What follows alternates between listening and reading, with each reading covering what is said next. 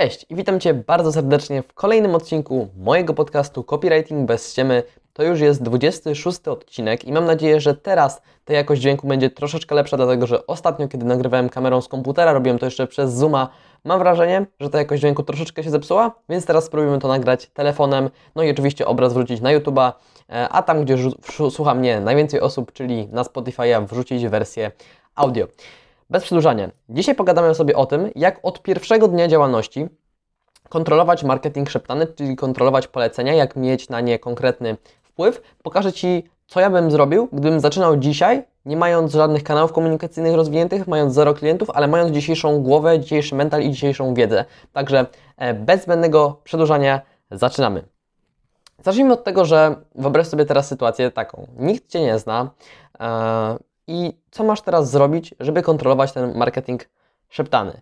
No i tutaj jest takie case study, że ja po prostu będę to analizował trochę od, trochę, trochę swoją sytuację. Znaczy, gdybym teraz nagle ktoś mi zabrał jakimś cudem wszystkie moje kanały komunikacyjne, wszystkich moich klientów i tak dalej, i tak ale miałbym dzisiejszą wiedzę, wiedziałbym to, co wiem teraz, to co ja bym w takiej sytuacji zrobił.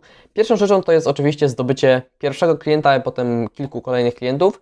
Mm, No i teraz tu jest problem, dlatego że nikt Cię nie zna, nie masz portfolio, nie masz doświadczenia praktycznego, ale musisz pozyskać klientów. No i teraz co zrobić? Możesz mieć albo szczęście, albo możesz nie mieć szczęścia. Jeżeli masz szczęście, to od razu uda Ci się pozyskać płatnego klienta, a jeżeli nie masz szczęścia i tak wydaje mi się, że jest w przypadku 80% osób, po prostu tego szczęścia nie masz i e, zaczynasz pracować za darmo w ramach zdobycia doświadczenia.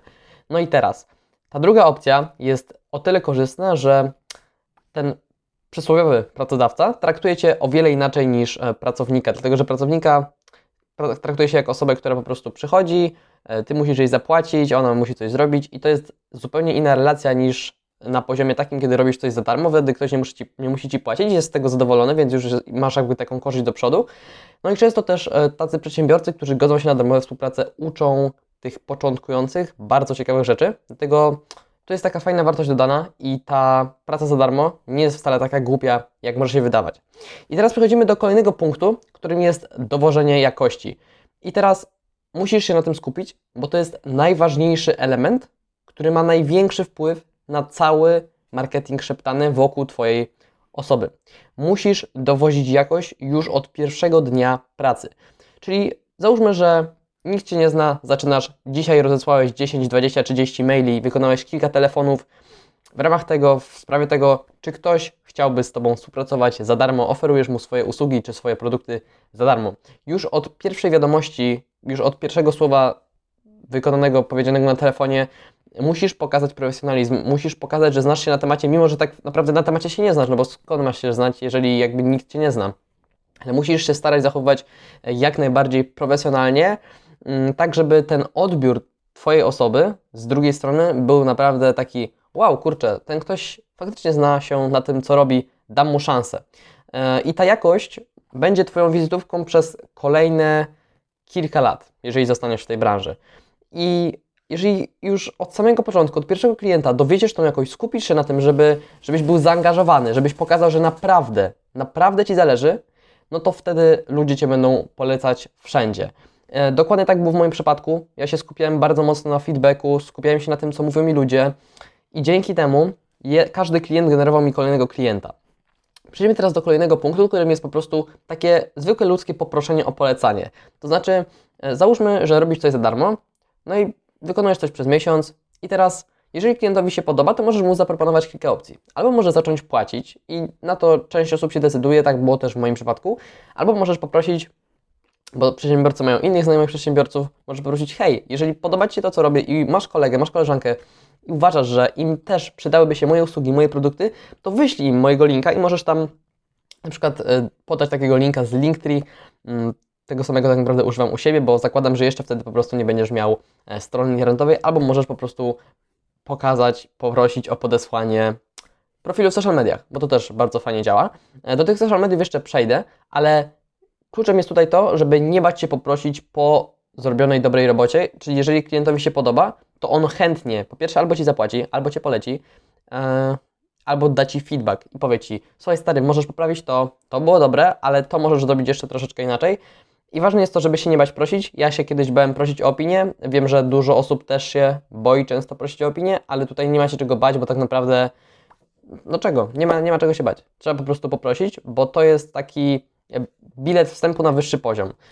I z każdą kolejną opinią możesz gdzieś tam te opinie opublikować w social mediach, możesz gdzieś te opinie pokazać no, gdziekolwiek tak naprawdę w swoim portfolio i one już budują Twoją markę, dlatego że ludzie kupują często produkty albo usługi na podstawie tego, że inni ludzie już to kupili, no im się, im się podobało. No, często jest tak, że kiedy kupujemy jakiś produkt w internecie, to wcześniej sprawdzamy e, opinie na Google i tak dalej, i tak dalej, żeby po prostu nie stracić pieniędzy. I tak samo jest w tym przypadku. Jeżeli ktoś dostanie kontakt do Ciebie, to będzie sprawdzał Twoje opinie, będzie sprawdzał to, co ludzie inni o Tobie mówią. Dlatego bardzo ważne jest to, żebyś te opinie zbierał mm, i gdzieś udostępniał e, publicznie. Wracając do tematu, po prostu musisz dowieść bardzo dobrą robotę i cała reszta przyjdzie z czasem.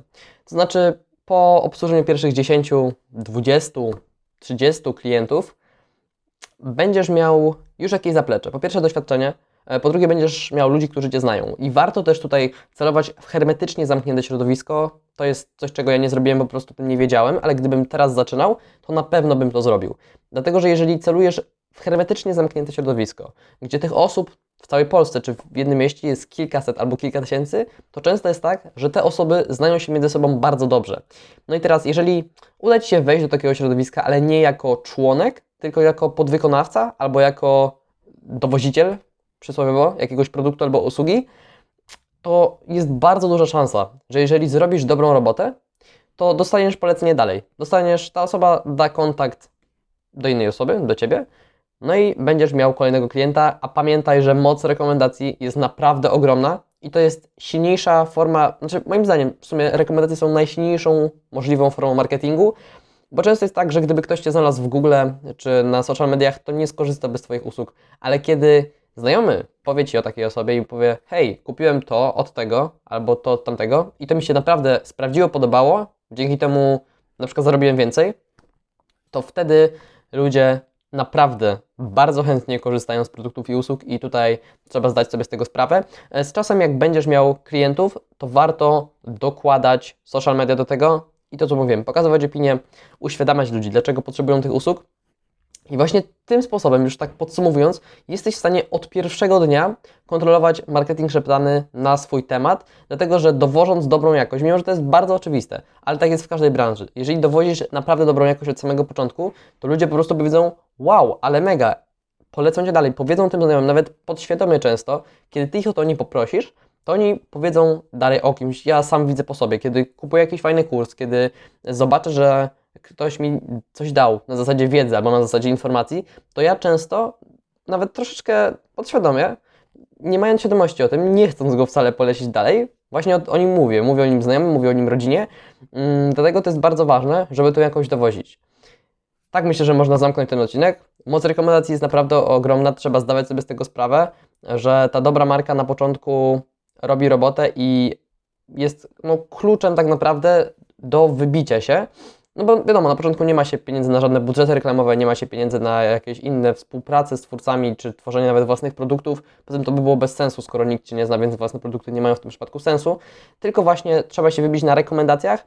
Można celować w jakiś konkretny region, bo kiedy na przykład zaczynać od regionu, zaczynać od miasta, od swojego małego miasta, od swojej wsi i potem ten, ten teren, y, swój teren działania zwiększać, e, to co mówiłem, im bardziej zniszowany produkt albo usługa, im bardziej hermetyczne, zam, hermetycznie zamknięte środowisko i im lepiej wykonana robota, tym łatwiej będzie Ci się w kręgu tych wszystkich ludzi wybić i kontrolować marketing szeptany.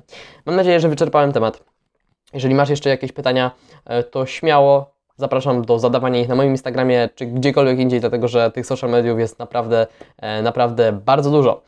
Jeżeli wolisz oglądać to w wersji obrazu albo słuchać. Teraz zależy od tego, gdzie to widzisz, bo jeżeli widzisz to na Spotify, to zapraszam Cię na YouTube'a, gdzie ostatnio wstawiłem wszystkie odcinki podcastu.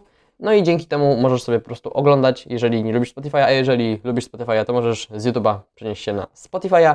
E, zapraszam Cię też na mojego newslettera, którego wysyłam co tydzień, wysyłam tam naprawdę merytoryczne informacje na mojego TikToka, na mojego, na, na mojego LinkedIna na wszystkie inne social media, dlatego że tam dzieje się naprawdę bardzo dużo, daje naprawdę bardzo fajną wiedzę. I co? Do zobaczenia za tydzień. Pozdrawiam Cię serdecznie, trzymaj się, cześć!